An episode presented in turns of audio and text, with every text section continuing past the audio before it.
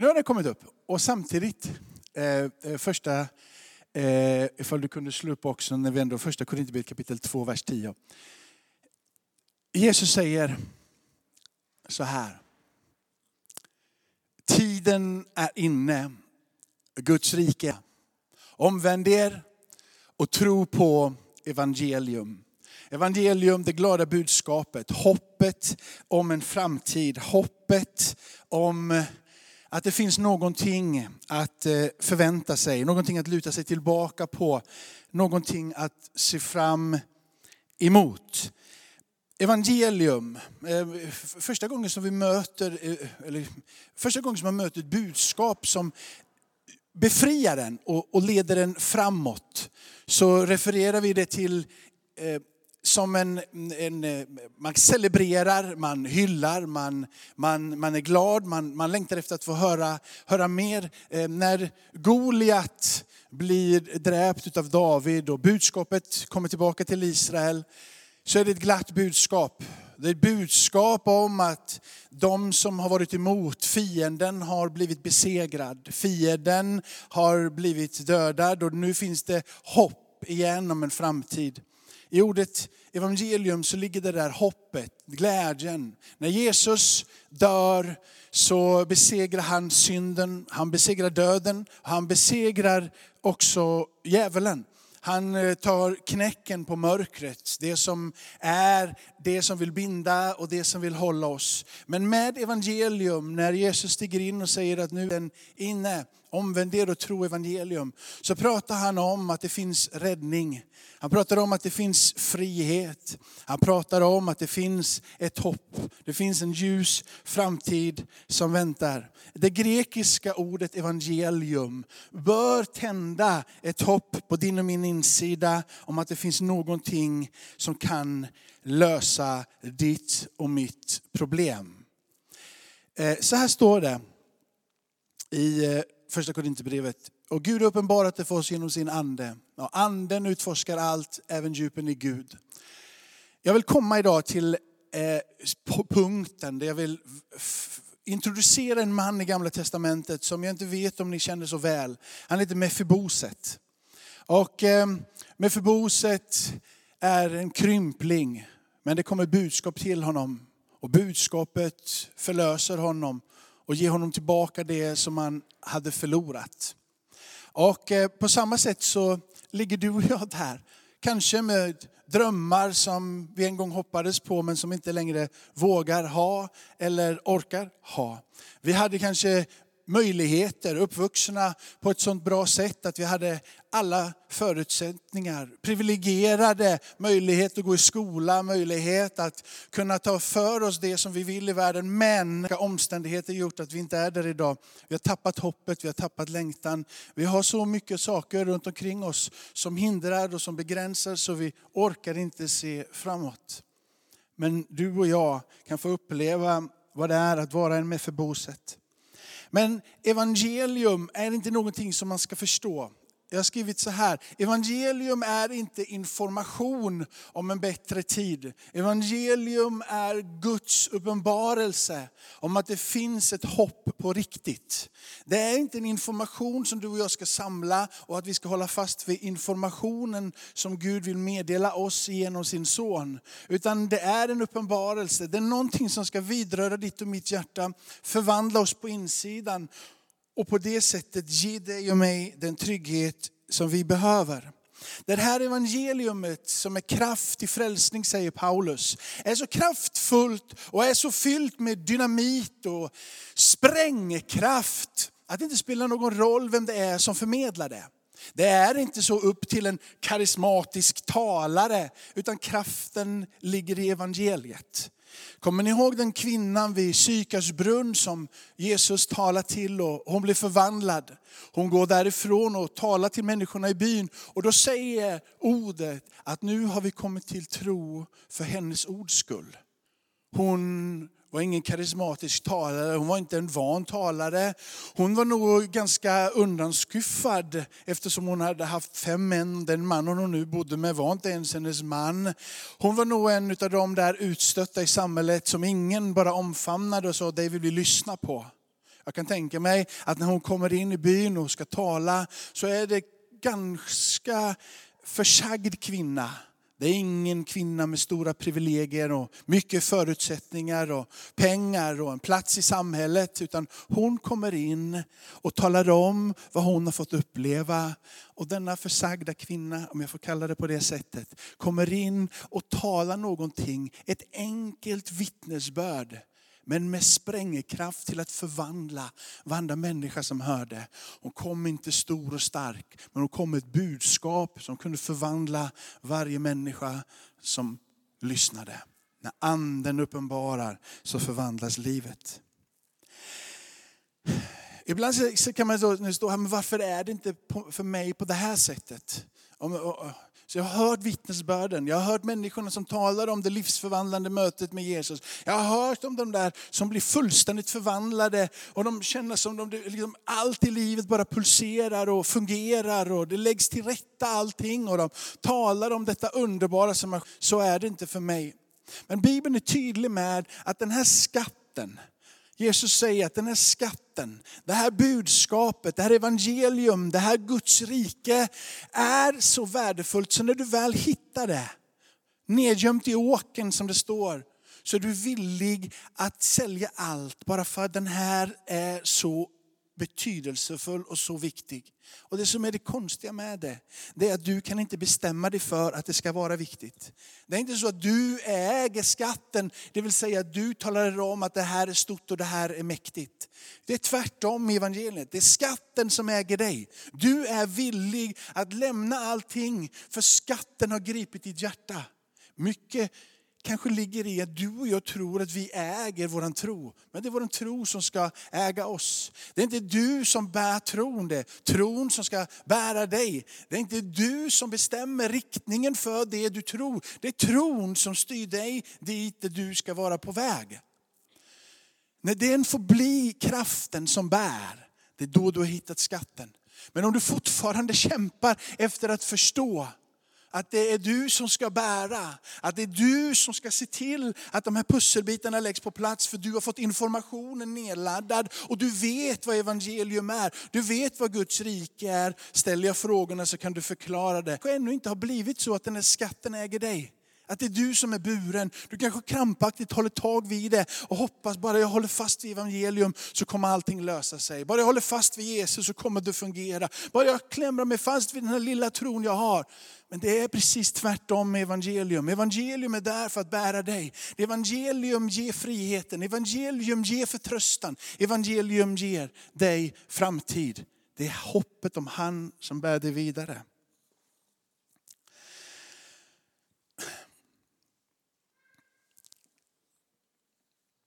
Gud håller hela världen i sin hand. Och om det är på det sättet, om den tesen är rätt som det står i Bibeln, att Gud håller hela världen i sin hand, så håller han ju också dig i sin hand. Det vore orimligt att säga att han håller hela världen i sin hand, men han håller ju inte dig i sin hand. Och inte dig, men han håller mig. Och han håller dig, men han håller inte dig. Och han, det vore orimligt. Så håller han hela världen i sin hand och Bibeln står där, så inkluderas du i det. Du är en del utav det, eller hur? Så om du har förlorat någonting så vet Gud om det. Om du har tappat någonting så vet Gud om det. Om du inte har det som du en gång hade så vet ju Gud om det. Men oroa dig inte, för Gud vet om det, så vet han också om det som ska komma imorgon. När du har fått kraften tillbaka, när du vågar igen tro, när du vågar hoppas, när du vågar längta. Han ser när du har, men han ser också när du har. Han har sett när du hade, han har sett när du förlorade och han har sett det morgondagen. Han är densamme igår, idag och i evighet. För honom finns ingen början och ingen slut. Han är förbi allting. Han är evig så han vet. Både det som du kanske inte ens vill att han ska veta. Men han vet också morgondagen.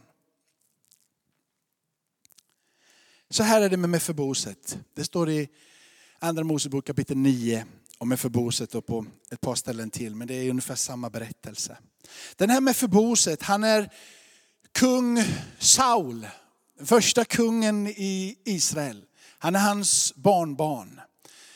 Han är Jonatans son. Den här Mefiboset är uppvuxen i kunglighet. Han har alla förutsättningar. Han eh, har blivit omhändertagen av kärleksfulla föräldrar. Han har blivit tagen hand om av kärleksfulla tjänstefolk som finns runt omkring honom.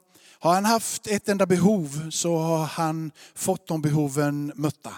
Har det fattats honom någonting så har det funnits vid hans sida snabbare än att ha kunnat blinka.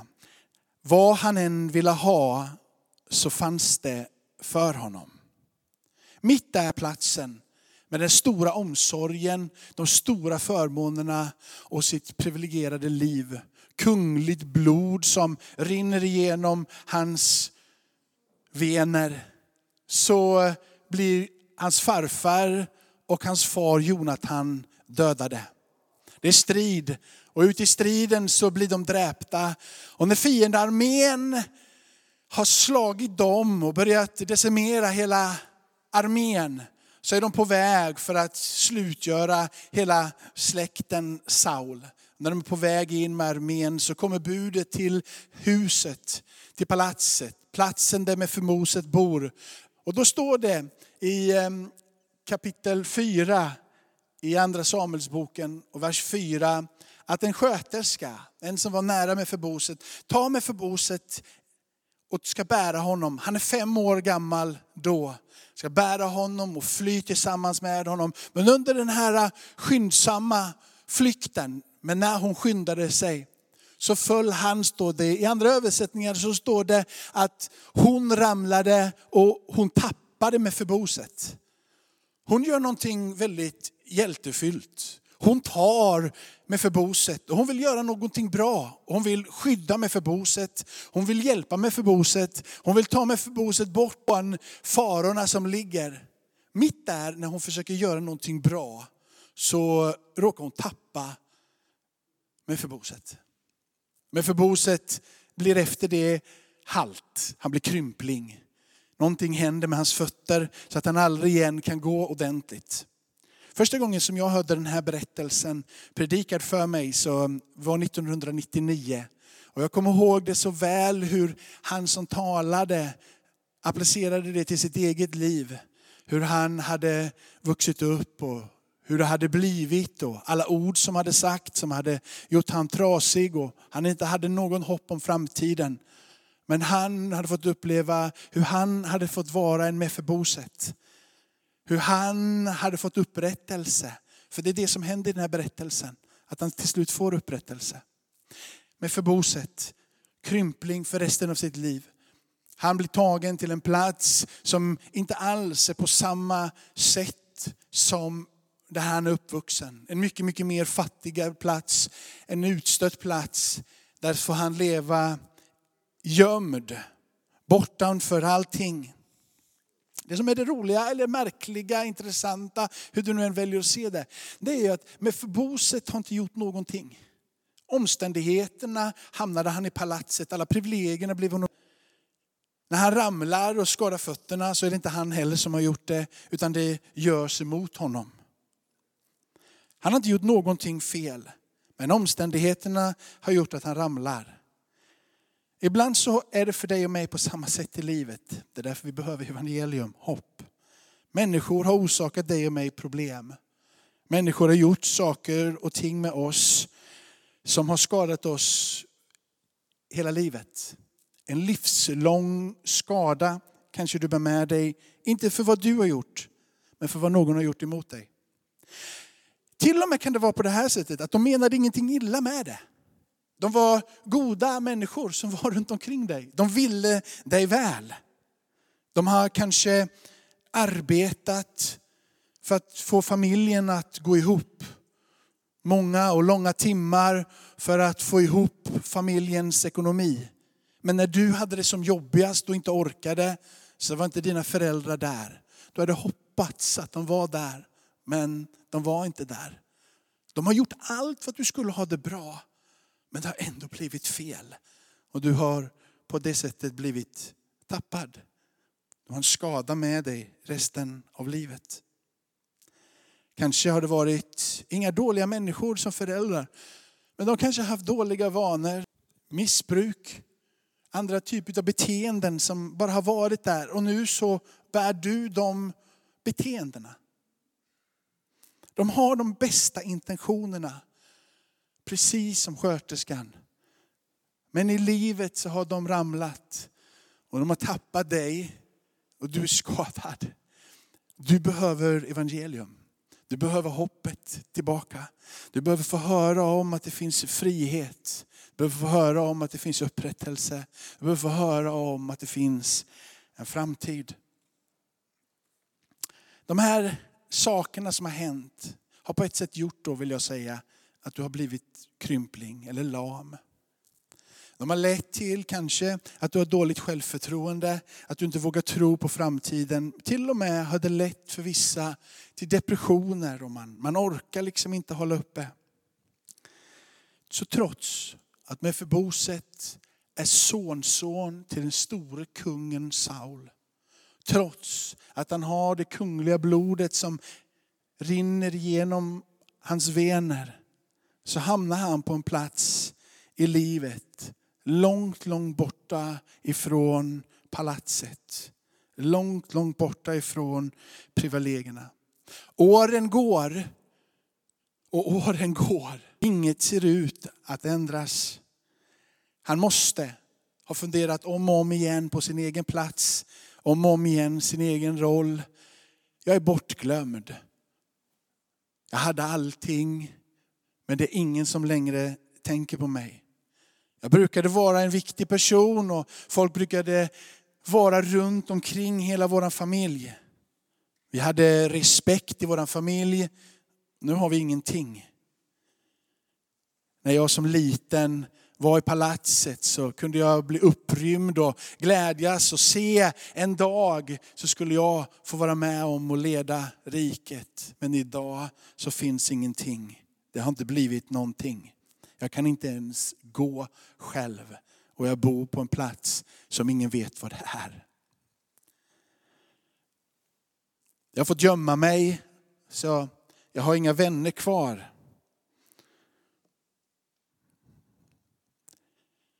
Men du vet, Gud vet allt. Gud vet allt och då vet han allting också om dig.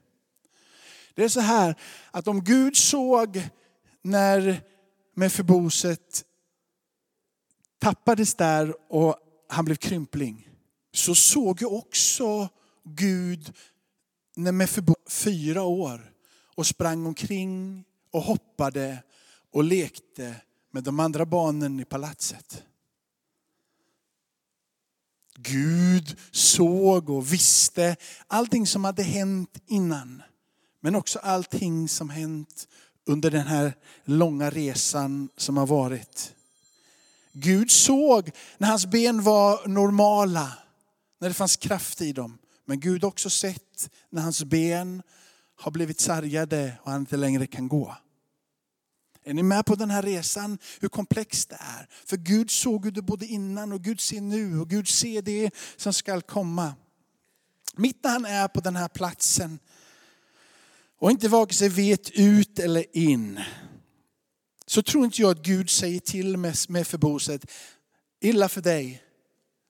Nästa gång någonting händer, se till att du har en bättre sköterska som är där och hjälper dig.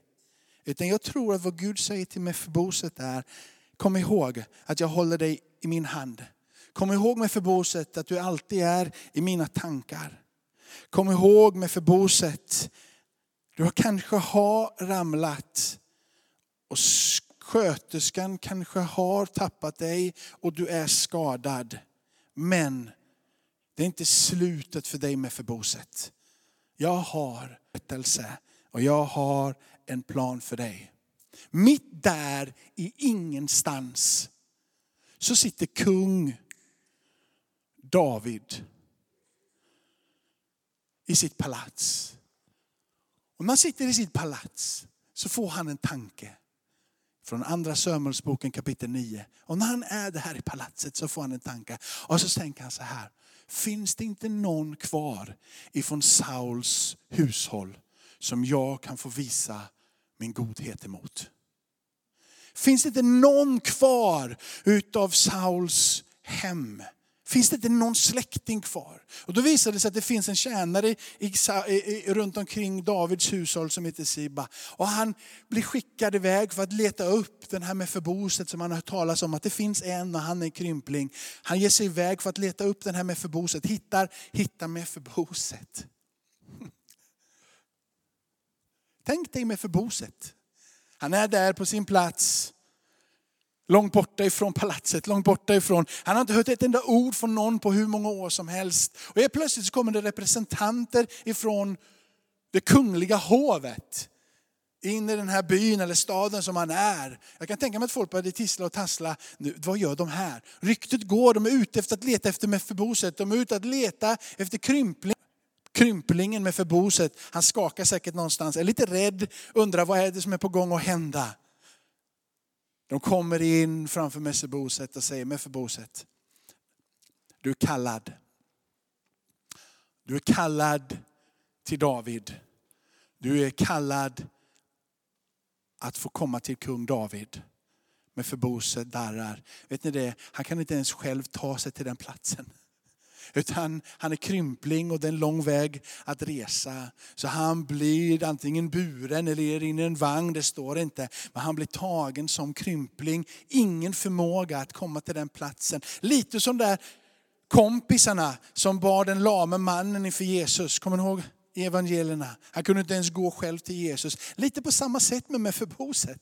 Han blir tagen till kung David, kan inte ta sig dit själv, men får komma inför kung David. Och kung David på den platsen upprättar Mefiboset fullständigt. Han säger att alla de gods och ägodelar som din farfar Saul hade, allting ska du få tillbaka. Allting ska du få tillbaka. Han blir upprättad på änden där nu. Det är inte så att han säger till honom att nu har du fått in allt det här, nu får du klara dig själv. Nej, han tittar på Mefiboset och säger till Mefiboset, jag sätter dig också tillsammans vid mitt bord. Du ska få äta med mig här vid mitt bord. En fullständig upprättelse. Hade ingenting med Mefiboset att göra. Han hade inte förtjänat det. Han hade inte gjort någonting för det. Det enda som hade hänt honom var tragiskt. Han hade levt bortanför. David behövde inte hjälpa honom. David behövde inte stiga in i hans liv och resa honom upp och ge honom allting som han behövde. Lite av det känns ungefär som att det är Gud själv som har talat till David. Att den här berättelsen skulle få bli en förebild på det som Jesus har gjort för dig och mig. Gett dig och mig tillbaka en plats vid bordet tillsammans med honom. Det är det evangelium handlar om. Det är det julens budskap handlar om. Det handlar om att vara inte missmodig, för Gud har en väg tillbaka.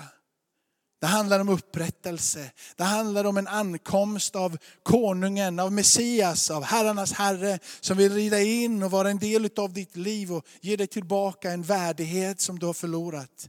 Ta bort den synden, den skulden och den skammen som har hindrat dig för att tala om räddning och befrielse och upprättelse. För att ge tillbaka det som du själv inte kunde ta. Evangelium, utropet ifrån Gud själv utav nåd och barmhärtighet. Jag tror att på samma sätt så vill Gud viska i ditt ge en tanke till dig och mig idag. På samma sätt som David fick en tanke att det finns en möjlighet för dig och mig under kanske den här jultiden att söka upp den som en förboset runt omkring dig.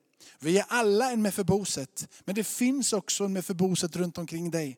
Det finns någon som du kan röra vid, någon du kan resa upp, någon du kan tala, med, tala in i eller tala tillsammans med. Tänk inte att du måste vara de stora ordens mästare. Utan tänk att du är kvinnan vid Sykars brunn som blir förvandlad av mötet med Jesus. Sargad, har inte så mycket, kanske till och med halt i ditt liv. Men orden du säger, evangelium, har kraft i sig själv att frälsa och förvandla. I Romarbrevet så eh, finns en utväxling av det som har blivit din, ditt tillkortakommande men som också nu då kan bli till din upprättelse. Paulus försöker säga till oss ungefär som att livet är svårt och din tro är kanske inte alltid så lätt att bära. Men genom svårigheterna så finns ett utrymme att få växa. Genom svårigheterna så ger han dig kraften att bli formad i den tro som ska bära dig genom hela livet. Så utvecklar vi genom svårigheterna som tron innebär en kraft att stå emot motgångar. Det skapar i dig och mig ett tålamod där vi faktiskt kan stå och gå igenom nästan vad som helst oberörda. För att tålamodet genom våran trons övningar och kamp och slit i livet, men fortfarande stå fast vid hoppet, möjligheten till en helt annan frihet. Gör att du växer, du blir starkare som människa med de sakerna som har gjort dig halt du kanske inte har gjort det själv utan det har blivit gjort emot dig. Men ingenting av det har varit till spillo. Allting det har hjälpt dig att sätta fokuset högre än dig själv. Bort ifrån dina egna omständigheter och klamra fast vid hoppet om frälsningen i honom. Tron på en Gud som bär rakt igenom. Låt oss våga tacka Gud när möjligheten att stå i en omöjlig situation kommer. Mitt där när du inte vågar hoppas. Påminn dig om att Mefiboset kunde inte i sin vildaste fantasi drömma om att David skulle sitta i sitt palats och börja tänka, finns det någon jag kan upprätta? Tänk att du har någon någonstans som ber för dig. Att du har någon någonstans som är redo att komma in och resa dig upp. Låt den här berättelsen bli, du är inte själv. Gud kan tala till vem som helst och Gud kan skicka vem som helst, vad som helst, när som helst. Du är ett objekt för Guds, du är hans mål. Han, han, han, han vill att du ska söka en Mefiboset och han vill att du ska förstå att du är en Mefiboset. Inte lämnad åt slumpen och alla sköns olika saker som sveper över. Gud har en väg tillbaka.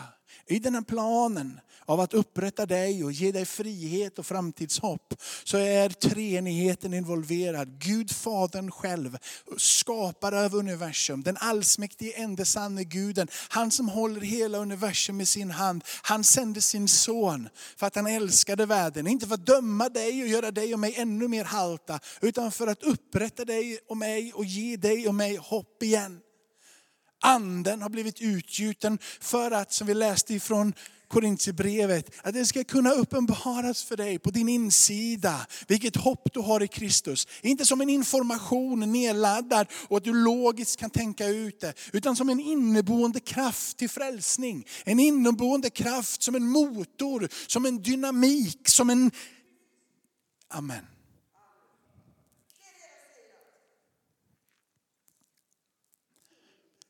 I Romarbrevet så skulle man kunna säga att han gör en bild av att barn till mänskligheten så leder det till undergång. Men om du är barn till Gud genom Kristus så leder det till räddning. Bibeln talar om att det finns någonting som är synd. Och det är vi en del utav på grund av att vi är en del av mänskligheten. Men genom Jesus Kristus så står det att du kan få ta emot hans rättfärdighet. Det står till och med att den här döden, den här synden, den leder till döden. Men som ett Guds barn så kan du få ta emot evigt liv. Det står att vi har blivit skilda ifrån Gud som en skilsmässa. Men det står också att du kan få en gemenskap med Gud det står att du och jag har ett uppror i oss, en olydnad och vi vill gå vår egen väg. Men det står också att det finns en Guds lydnad som är oss given. Vi kan få höra och vara ledda utav Gud själv. Det står att det finns en dom som väntar barnen utav mänsklig börd. Men det står också att det finns en befrielse för dem som mot Kristus kan få kallas Guds barn och är befriade. Det står att det finns en lag, men det står också att den är utbytt mot någonting som heter nåd. Det är evangelium. Att du kan få vara en Mefiboset. Du förtjänar det inte, du kan inte göra någonting åt det. Men Det finns en möjlighet på grund av att det finns en Gud som viskar ditt namn. En väg tillbaka, ett hopp om frihet, upprättelse och en hopp om framtiden. Det är julens budskap. Det är evangelium. Guds kraft till frälsning. Amen. Tackar dig för att vi ber tillsammans och de som ska leda oss i någon lovsång och så ska vi ha förbön här. Jag tackar dig Fader i himmelen att vi får komma till ditt hus, att vi får, att vi får läsa ditt ord och hämta kraften och styrkan och inspirationen ifrån det som har blivit och är våran kraft. Jag ber Herre att den som kämpar med att hålla fast skulle få hitta den här skatten i åkern. Att den här skatten om vem du är, jag ber från djupet av mitt hjärta Herre, att den skatten skulle få bära. Den som är här idag har aldrig bett den här bönen, Jesus kom in i mitt liv, att den skulle få frimodighet att göra det. Tack för att du är den guden som befriar dig från synd, ifrån död och ifrån djävulen. Du tar oss bort ifrån mörker och du för oss in i ditt ljus. Du sätter oss tillbaka tillsammans med dig. Tack för att du har dukat ett bord och vi är inbjudna. Jesus är Herre. Jesus är Herre. Om du är här idag och du vill ta emot Jesus som frälsare så är det så oerhört lätt. Det är nämligen bara att säga Jesus kom in i mitt liv. Om du är här och du tyngs av synd, av skuld, av skam, för vad den må vara, så vill han ta den synden, den skulden, den skammen. Det var därför han dog. Du kan få byta bort den här synden och skulden och skammen, ge den till honom vid korset och få tillbaka fullt ut kraft. Tänk inte på det som du gjorde igår eller alla dina misstag. Jag gör samma misstag idag och troligtvis gör jag samma misstag imorgon. Kanske är det första dagen idag som du får tillbaka det där hoppet. Att se att imorgon ska jag inte misslyckas. Imorgon så ska jag stå där stadigt tillsammans med Herren. Det finns en frälsning och det finns en räddning som är bortanför all logik och all information. Andegiven upprättelse, född på nytt med en brinnande motor på insidan. Är du här och vill säga, ja Jesus, kom in i mitt liv. Så be den enkla bönen där du sitter. Jesus, jag vill ha dig som frälsare. Jesus, min synd, min skuld och min skam. Jesus, jag vill ta emot din kärlek, din nåd och din upprättelse. Jesus, jag vill ha dig som Herre och jag vill ha dig som frälsare. Konungarnas konung, herrarnas Herre. Om du har bett den bönen där du är och tänkt den, våga be den med din mun så är det så här att då har du blivit frälst. Kom gärna fram till förebilderna här, var med och be tillsammans. Och vi lovsjunger. Har du någonting annat du vill vi ska be för så är du hjärtligt välkommen fram och så ber vi tillsammans. Säg något mer?